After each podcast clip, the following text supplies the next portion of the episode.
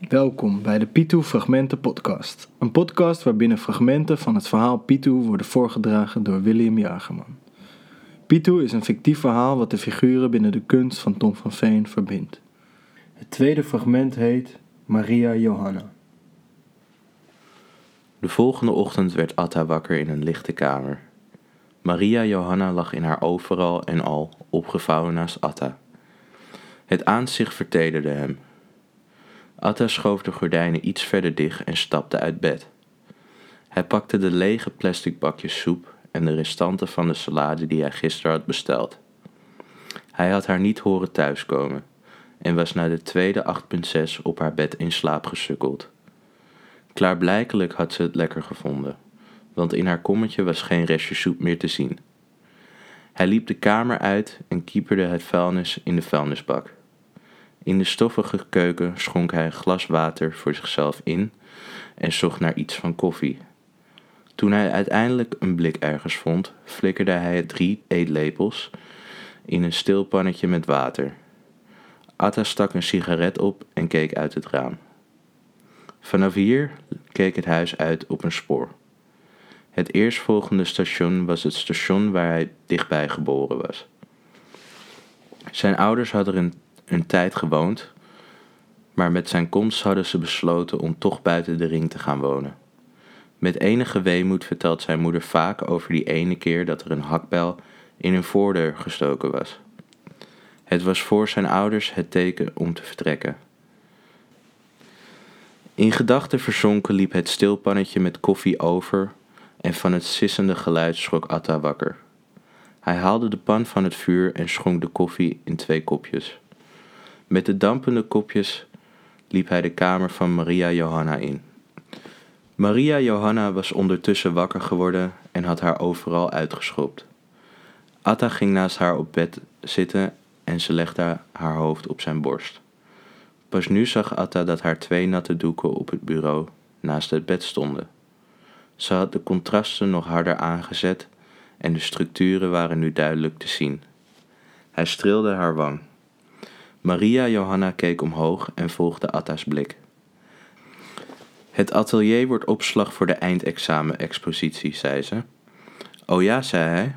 Ga je het niet afmaken? Jawel, antwoordde ze, maar niet nu. Een beetje tijd kan geen kwaad. Dat moest Atta beamen. Na de koffie stapte Maria Johanna ferm uit bed en trok ze een jurkje met bloemetjes aan. Kom, we gaan iets te eten halen, zei ze. Eenmaal buiten sukkelde Atta achter Maria Johanna aan. Ze had stevig de pas erin, terwijl hij zijn hoofd over de twee blikken 8.6 brak. Voor de supermarkt stopte ze en drukte ze een kus op zijn wang. Zodra de schuifdeuren zich openden, blies de airconditioning hem tegenmoet. Het rokje van Maria Johanna wapperde even op en liet de contouren van haar billen zien. Atta keek vuil naar de kwijlende blikken en greep een winkelmandje uit de stapel. Eenmaal door de poortjes viel Atta's mond open. Naast de aardappelen was een heuse marktkraam opgesteld met t-shirts van Guusje. Erboven was een enorm spandoek te zien met vakantiekiekjes van Henk en Ingrid. Guusje zelf stond blakend van trots tegen wie al maar in de buurt kwam haar verhaal te verkondigen. Atta zocht dekking achter een rek tomaten. Maria Johanna leek het allemaal niets te schelen en hield een tros druiven voor zijn neus. Atta bromde iets onverstaanbaars en hield zijn blik strak gericht op de marktkraam. Guusje had ondertussen een nietsvermoedende bejaarde een t-shirt over het hoofd getrokken en propte een aantal flyers in het, in het overvolle winkelmandje. Op de tafel in de kraam zag hij nu dat ze niet alleen t-shirts had liggen, maar ook heuse sleutelhangers, buttons en dergelijke prularia praalden in het felle ledlicht. Maria Johanna kneep hem in zijn arm en Atta ontwaakte. Getweeën liepen ze richting de kraam. Hé, hey, riep Guusje, wat goed dat ik jullie zie. Ze drukte het duo ieder een sleutelhanger in de hand en zonder op een antwoord te wachten richtte ze zich tot Atta. Morgen is de VIP-opening, zei ze serieus. Kun je dan? Atta knikte. Fantastisch, riep Guusje uit. Het duo wenste haar succes en snelde gauw door naar de deegwaren. Zo is er normaal nooit hoor, stamelde Maria Johanna.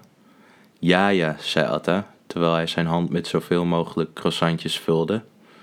Maria Johanna hield hem het zakje voor en keek hem liefdevol aan. Ze draait vast wel weer bij, zei ze geruststellend. Niks was minder waar. Op de VIP-opening ging Guusje als een bezetene rond met een RIP VIP-stempel. Alleen de mensen met een stempel hadden recht op een fikse korting, schalde ze op schelle toon door de megafoon.